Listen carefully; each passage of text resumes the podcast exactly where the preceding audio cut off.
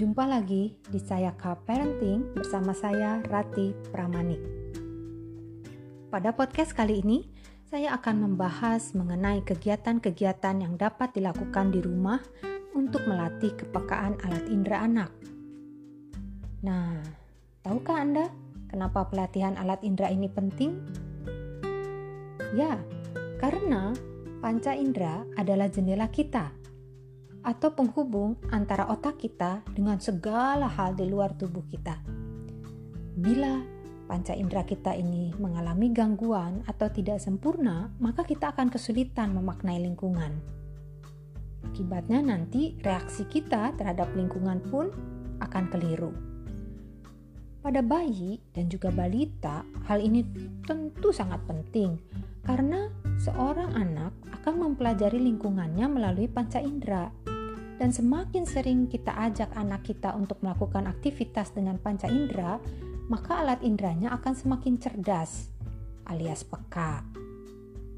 Nah, apabila nih dari sejak lahir sampai 6 tahun kita tidak memberi anak kita kesempatan untuk melakukan eksplorasi dengan panca inderanya, akibatnya nanti di kemudian hari dia akan mengalami hambatan di tumbuh kembang baik itu di intelijensi maupun fisik kemudian nanti di di sekolahnya dia akan sulit konsentrasi, sulit belajar dan sulit menangkap pelajaran. Bahkan nggak usah nunggu sampai sekolah, biasanya pada anak-anak yang jarang diberi stimulasi sensori, walaupun usia fisiknya misalnya 4 tahun, tapi kalau kita ketemu dia kita lihat kemampuannya kemudian uh, apa namanya uh, fisiknya itu seperti anak yang usianya lebih rendah karena dia mengalami hambatan. Kalau di pelajaran contohnya gimana? Contohnya begini ketika seorang anak belajar baca tulis ketika guru menyebutkan bunyi huruf kalau telinganya kurang peka maka dia akan sulit membedakan bunyi hurufnya Misalnya ibu gurunya menyebutkan beh, beh, ke. Karena telinganya tidak peka, dia tidak bisa membedakan bunyi B, P, dan K tadi. Cukup bisa diikuti ya penjelasan saya. Nah, sekarang alat indera itu apa aja sih? Alat indera itu ada lima, yaitu mata, telinga, hidung, mulut, dan kulit. Lima hal ini yang akan saya bahas di sini. Mata Melatih mata tujuannya adalah meningkatkan kepekaan visual, kemampuan mengamati, kemampuan membedakan benda, serta mengurutkan benda berdasarkan bentuknya, atau berdasarkan ukurannya, atau berdasarkan warnanya. Dan semakin tajam eh, suatu indera, maka kita akan makin bisa membedakan objek dengan perbedaan yang seminimal mungkin. Contoh seorang yang matanya sangat tajam.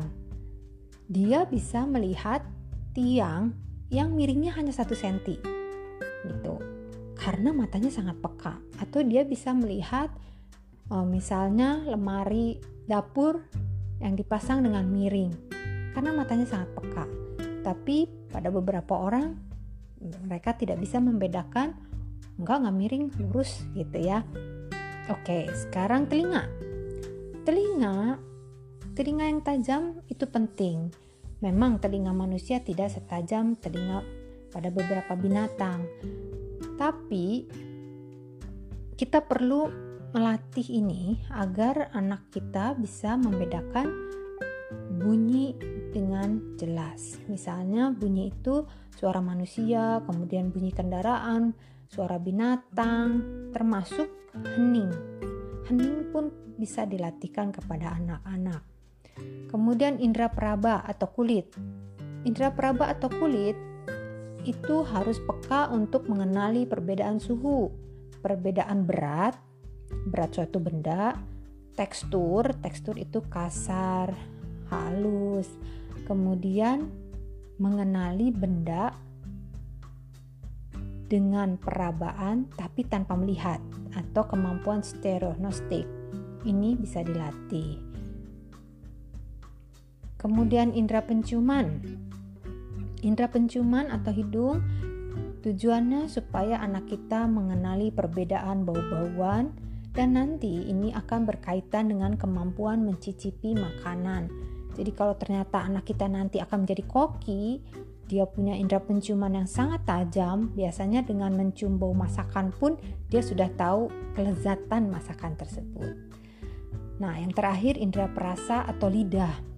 Lidah ini kita latihkan supaya anak terutama kenal empat rasa utama yaitu asin, asam, manis, dan pahit. Sekarang gimana nih cara melatihnya? Cara melatihnya yang pertama, beri kesempatan pada anak untuk mengamati.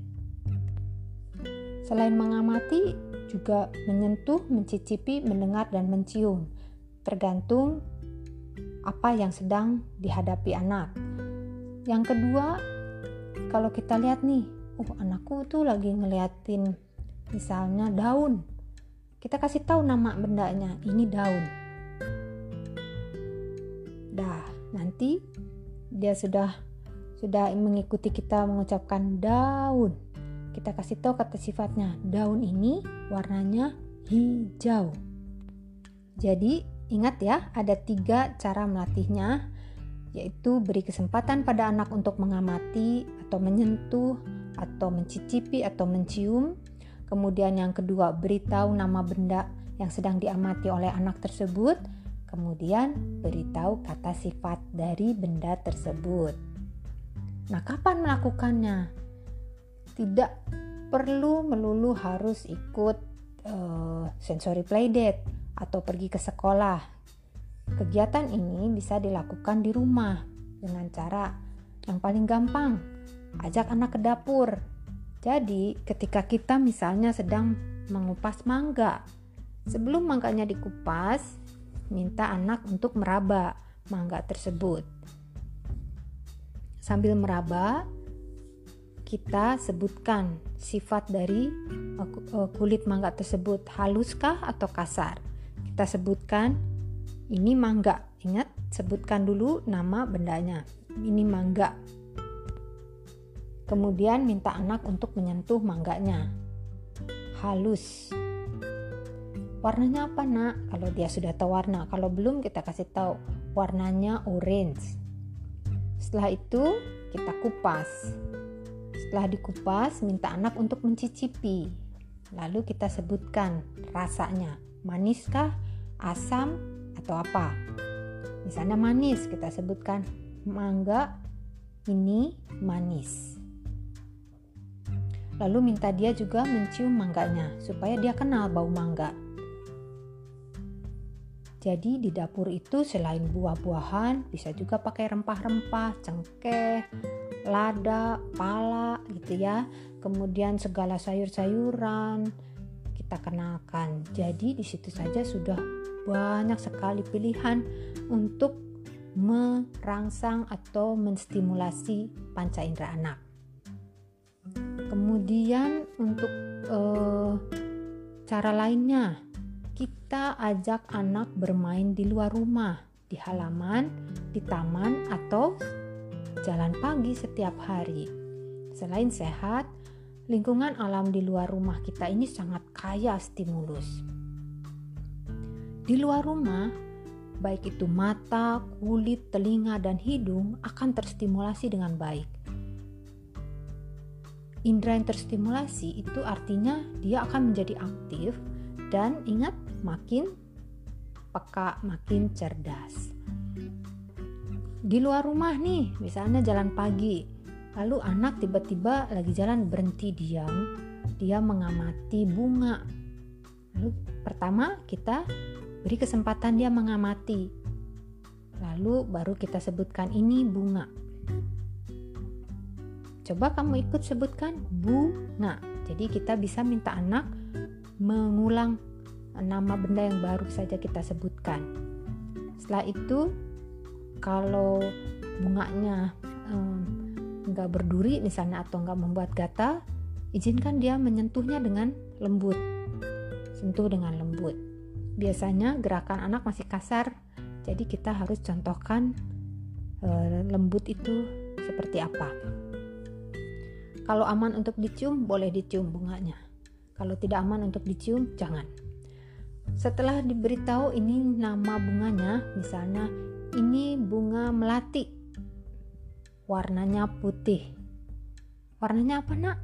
Putih. Ya, seperti itu bu. Tiap hari pasti makin lama makin cerdas. Nanti ada lagi bunga yang lain warna kuning, warna merah. Kemudian di luar rumah pun dengan kulit kita kena terpaan sinar matahari, kita akan membedakan kita akan belajar membedakan ada rasa hangat, ada rasa panas ya. Kemudian ada tiupan angin juga efeknya berbeda pada kulit sehingga kulit anak ini menjadi peka, menjadi cerdas. Kemudian apalagi telinga. Telinga pun di luar rumah pasti akan terstimulasi karena di luar rumah kaya dengan suara. Suara daun bergesekan karena tertiup angin pun suara kemudian ada suara binatang, ada suara kendaraan, ada suara orang lain yang mengobrol, sehingga telinga anak terstimulasi. Hidung demikian juga, ada bau dari uh, tanah, ada bau dari masakan orang lain, ada bau knalpot, segala bebauan banyak di luar sana. Jadi sudah sangat membantu tuh. Bayangkan setiap pagi, setiap sore akan sangat melatih panas dingin juga bisa kita latih. Misalnya dengan memegang air es dengan air hangat ya. Jangan air panas nanti melepuh. Kemudian uh, untuk berat kita bisa minta anak mengangkat benda yang ringan sekali sama yang berat sehingga dia merasakan perbedaan berat tersebut. Kemudian warna-warna kita kenalkan, baik itu di luar rumah kayak warna daun dari hijau muda sampai hijau tua, nanti masuk ke rumah kita ajarkan warna dari uh, misalnya saat baca buku atau saat menggambar. Jadi itu semua bisa dilakukan dalam keseharian kita sama anak. Tidak perlu uh, kegiatan yang khusus. Melatih indera ini selain mengenali nama dan sifat suatu benda, maka anak pun harus dilatih untuk bisa mempersepsi stimulus yang paling minimal dan membedakan atau melakukan gradasi antar stimulus. Jadi setelah kegiatan yang tiga tersebut di atas pengenalan, tiga lagi yang perlu dilakukan adalah ajak anak untuk memilih benda yang paling mencolok bedanya. Contohnya ada yang kasar dan ada yang halus. Minta anak untuk uh, menyentuhnya kemudian tanya mana yang kasar mana yang halus mana yang uh, misalnya uh, dingin mana yang hangat. Kemudian kegiatan berikutnya setelah anak bisa membedakan benda yang dua benda yang mencolok tadi minta anak mencari objek yang sama persis atau identik. Misalnya ayo kumpulkan benda-benda yang warna merah. Gitu ya jadi itu mengumpulkan, mengelompokkan, kemudian kumpulkan uh, misalnya um, um, tomat yang hijau di sini, tomat yang merah di sini, ya, karena objeknya sama kan, tomat. Kemudian tahap ketiga yang paling uh, yang paling tinggi adalah ajak anak untuk mengurutkan objek dari yang paling besar ke yang paling kecil, dari yang paling panjang ke yang paling pendek. Berarti di sini melibatkan beberapa objek, bisa tiga objek atau lima objek, atau bahkan sampai enam dan tujuh objek. Jadi diurutkan sehingga anak melihat gradasi. Semakin matanya atau telinganya atau uh, tangannya bisa membedakan tekstur yang seminimal mungkin sangat kasar dengan agak kasar dengan sedikit lagi beda kasarnya berarti dia semakin peka. Nah itu adalah memang tujuan dari pelatihan alat indera ini. Semoga penjelasan saya kali ini cukup jelas. Apabila masih kurang jelas saya memberikan pelatihan-pelatihan untuk orang tua agar lebih uh, mudah dan lebih nyaman untuk melakukan aktivitas bersama anak di rumah sekaligus menjadi pendidik utama bagi anak. Simak lagi podcast berikutnya, kita akan bahas topik yang lain. Sampai jumpa.